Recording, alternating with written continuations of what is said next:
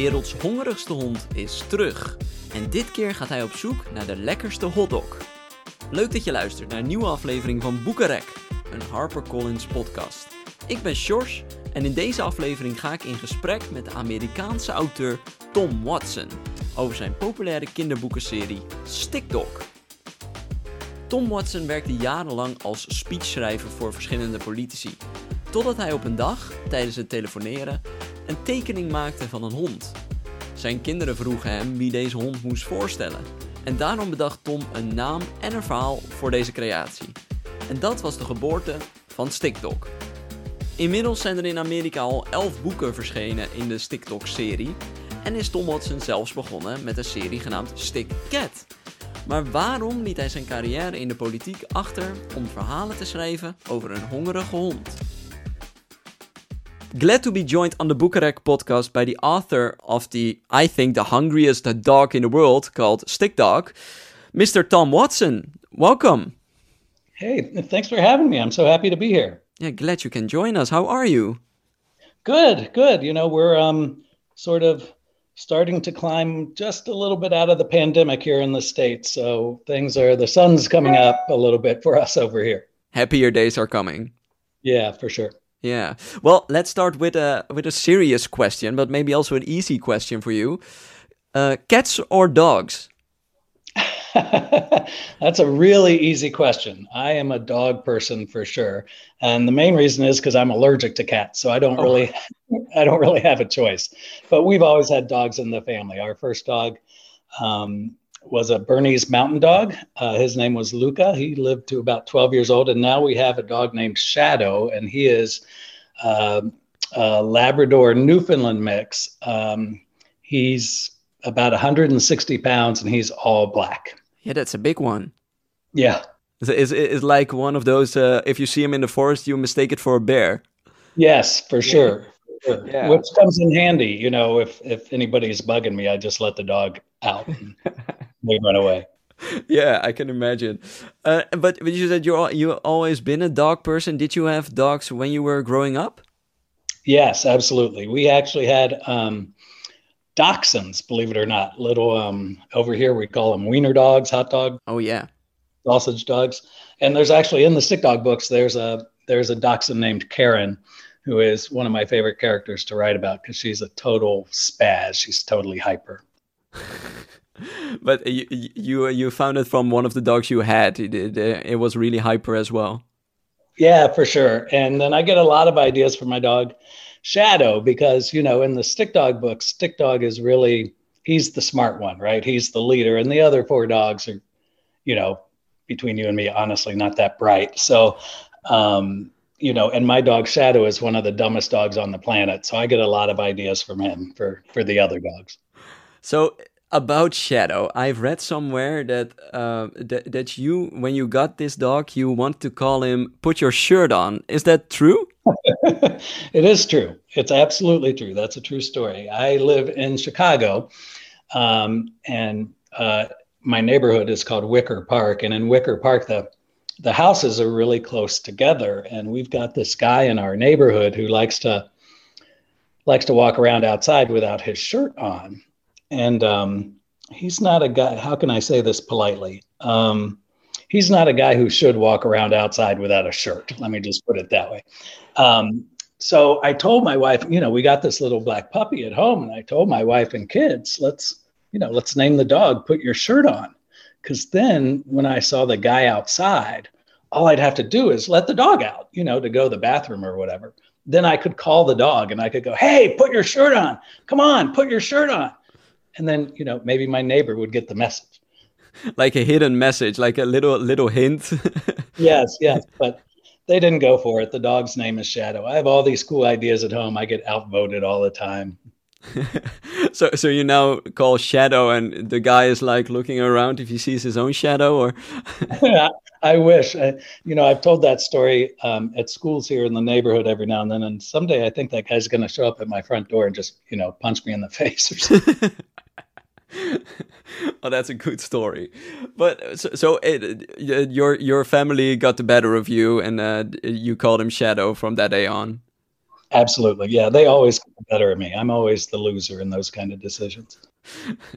so, um, like you said, you you have a lot of dogs that uh, are some inspiration to you for the stick dog books you write. But can you tell us? Um, we just released the second stick dog book here. For people who don't know, who is stick dog?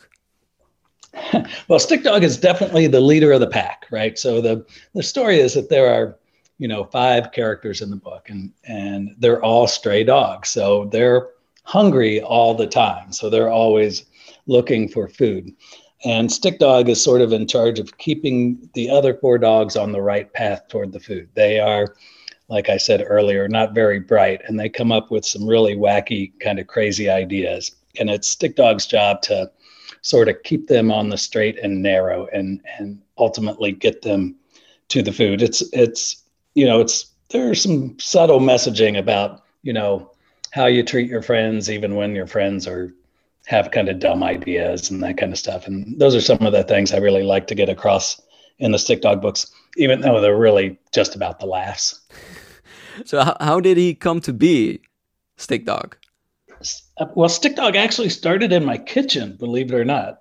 I had um, drawn a little, uh, I like to doodle when I'm on the phone, when I'm talking to somebody. And I had sketched a little dog on a piece of scrap paper. And my kids, Lizzie and Jake, came in to the kitchen and they looked at my drawing and they said, What is that thing? And I was like, It's a dog. And they were like, That's not a dog. That's a stick dog, you know, like you draw a stick person. Yeah. So um, they named him Stick Dog, and we were having hamburgers for dinner that night. And the first book is a is a quest for hamburgers, and they wanted to hear a story about Stick Dog, and um, on a quest for burgers. And, you know, I always told stories at the dinner table and they liked it. So, you know, I told it over a series of nights. They liked it so much that um, I decided to write it down. That's sort of how Stick Dog came into being, believe it or not. Wow. Wow. That's a really amazing story. You just, it just happened to you and then it, it got alive on its own. Yeah. You know, I wasn't, I wasn't trying to get this gig. You know, I wasn't, trying to become an author. Um, I had never submitted anything to a publisher. Um, and then my wife, Mary, suggested, oh, it was when all that, the Kindle came out and all that e publishing stuff was happening, you know, nine or 10 years ago now.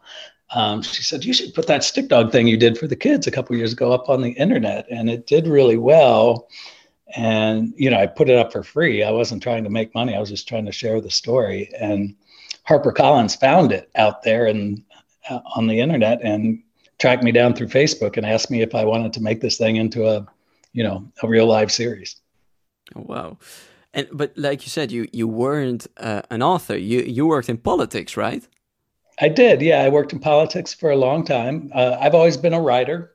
Um, so I was a speechwriter back in the day when I worked in politics, and then I worked in marketing and advertising and stuff and did some freelance work probably for the five or 10 years before Stick Dog happened. But this is my full time gig now. But I worked for um, the governor of Ohio when he was, um, when I was younger and um, as his chief speechwriter. And I actually worked for um, John Glenn when he was a United States Senator, the, the astronaut. Um, so that was, that was a pretty cool gig too. Yeah. Yeah, but there were never any dreams for you that you thought, I want to write a book, at least of all, a children's book. no, I really, I really just wanted to make my kids laugh, you know, and they liked the story so much. I was like, well, you know, I'm a writer anyway. I might as well write this down so they can have it as sort of a, sort of a keepsake. And then I, you know, I shared it and the, it, it blew up. I like to tell the story. It was the number two free book for a couple of months on Apple's iBook store, on its on its kids' iBook store. And the only thing it was behind was Winnie the Pooh. And Winnie the Pooh came free with every iPad. So I couldn't get past Winnie the Pooh. It was impossible. so I think Harper um, Harper Collins saw that it was doing well, and you know they were like, "Well, maybe we should look at this thing. What is it?" And it took off from there. You know, Stick Dog is kind of strange. It's kind of weird. It's got kind of a um, unique narrative voice and that kind of stuff. And you know, I think they saw it and said like, well, here's something kind of different. You know, and um, I, I take a little bit of pride in that. I like the idea that I didn't just go like, well, publisher's probably looking for something like this, you know, I'll give them that. You know, I didn't do that at all. I just wrote it to make kids laugh, you know. And it was it never a moment for you that you were like, why? Why? It was just some doodle I did for my kids when I was on the phone. Why, why do you want a book about this? well, I don't know. I've always, I've always sort of been able to make kids laugh. So I, I knew I knew that if it got out there, now I didn't know it was going to be published by HarperCollins, but I knew that if it got out there in the world a little bit, the kids would enjoy it for sure. Um, and and they have, you know, there are going to be a dozen of these things, and there are five stick cat books, and you know, I got this new series out called Trouble at Table Five. So, you know, I think kids get a kick out of the humor, and you know, I'm a big believer that if kids are laughing at what they're reading, they're going to keep reading, and I think that's really important. Yeah. But like you said, you, you started in politics and you just rolled in this author role.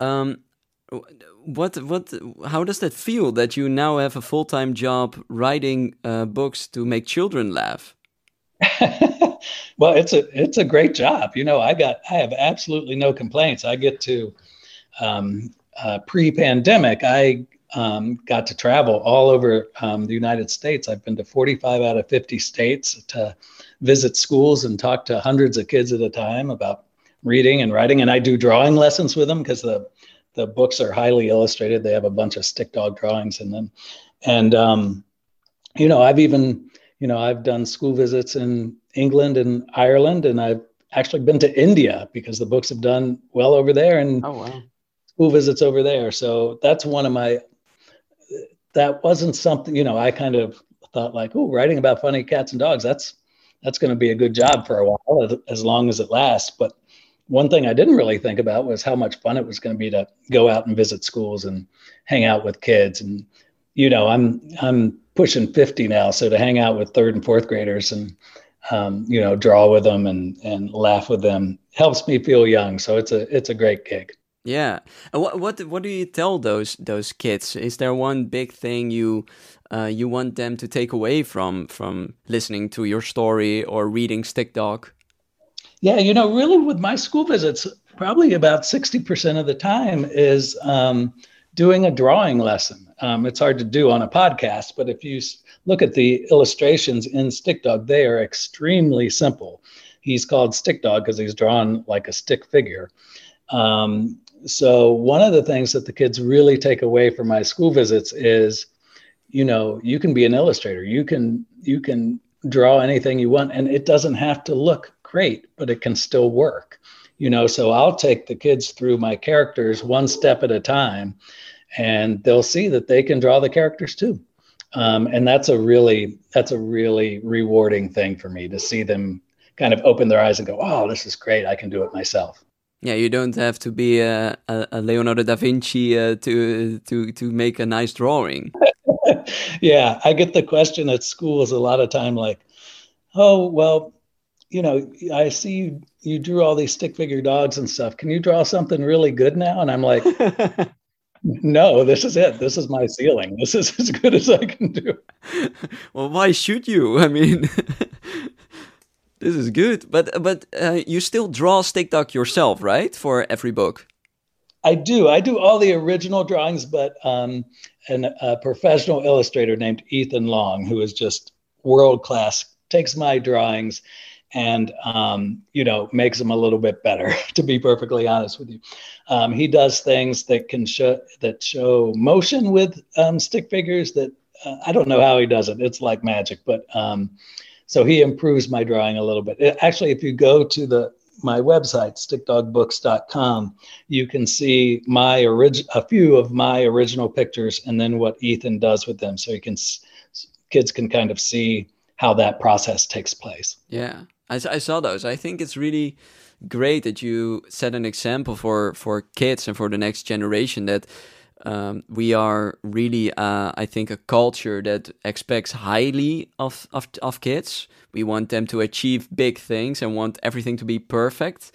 Um, but I think you show them through your drawings and through your stories that uh, that they are perfect in their own way. Yeah, Yeah, I th- and I think they really take that from that. I don't know. Can you? I'm upstairs. Can you hear my dog barking in the background? We were talking about Shadow earlier. Now everybody can hear him. so I think I think the mailman's at the door or something. Um, I can relate. yeah, yeah. So yeah, that's definitely what the kids take from the from the stories, and I get you know I get so much mail and email from um, kids who have finished the books or are deep in the books, and they're sending me pictures that they've drawn on their own, and and it's just my absolute favorite thing to get for sure. Yeah. So now you've written eleven stick dog books uh, which are out in, in the US. We are not that far here yet. We are only at your second, so we have a lot more to come. Um, and, and a couple of stick cat books. So that must be hard for you being allergic to them. it's true. Um, the, the stick cat books are, are um, completely and totally made up. I have no frame of reference with cats whatsoever. Um, but that that's sort of been fun for me because it's sort of allowed me to have some some freedom that way. Yeah. And the other the other thing in the stick cat books is that um, there are only two cats, so I'm able, you know, in the stick dog books there are five dogs, and I've got I've got to keep everybody busy, everybody playing a role. With um, with stick cat, there are only two, and I'm able to sort of fully develop them a little more quickly, which has been a lot of fun for me. Yeah, and I think if you need any inspiration, there are, are uh, like a thousand million uh, YouTube videos of cats online. exactly, that's exactly true. Keep them at a safe distance. So, so uh, what's uh, what's more in store for uh, Tom Watson? Well, I I have this. Um, there will be one more stick dog here in the states, so there are going to be twelve total. So you're right. You have a you have quite a few to get to over there. Um, stick the stick cat series wrapped up with five, and I'm now uh, let's see the fifth trouble at table five book is coming out um, here anyway um, in a month or two. So I've got kind of a new series that's been really excited, and it's not dogs and cats. It's um, um, it's just kids. So that's been kind of fun. And after that, I'm not sure. You know, I've I've been toying with the idea of doing things for older kids, you know, I think it kind of comes from my kids getting older that I want to sort of write, uh, you know, a novel or something for them. Yeah, your writing grows up with your kids. Yeah, I think so. I yeah. think that's true. Well, I think we have uh, a lot uh, to look forward to, and uh, for now we are just uh, enjoying uh, the two first Stick Dog books over here, and there are like ten more to come. So there's a, there's a lot Stick Dog to enjoy. Tom Watson, I really want to thank you for taking your time here in the podcast. Oh, for sure. I'm so happy we got to we got to meet, and um, you know, maybe one day I'll get over there and do school visits um, in Holland. That would be awesome um, if we can get this stupid pandemic behind us. Ben je nou ook zo benieuwd geworden naar de avonturen van deze hongerige hond? De eerste twee delen in de TikTok-serie zijn nu overal in Nederland verkrijgbaar. En dat was het weer voor deze aflevering van de Boekenrek podcast. Voor meer gesprekken vind je ons op Apple Podcast, Spotify en alle andere podcast-apps. Ik hoor ook heel graag van jou als luisteraar wat je van onze podcast vindt en welke auteur je nog eens zou willen horen. Je kunt dit sturen naar info@harpercollins.nl. Voor nu bedankt voor het luisteren. Ik wens je nog een hele fijne dag. Blijf thuis, blijf gezond en blijf vooral lekker lezen. Tot de volgende keer.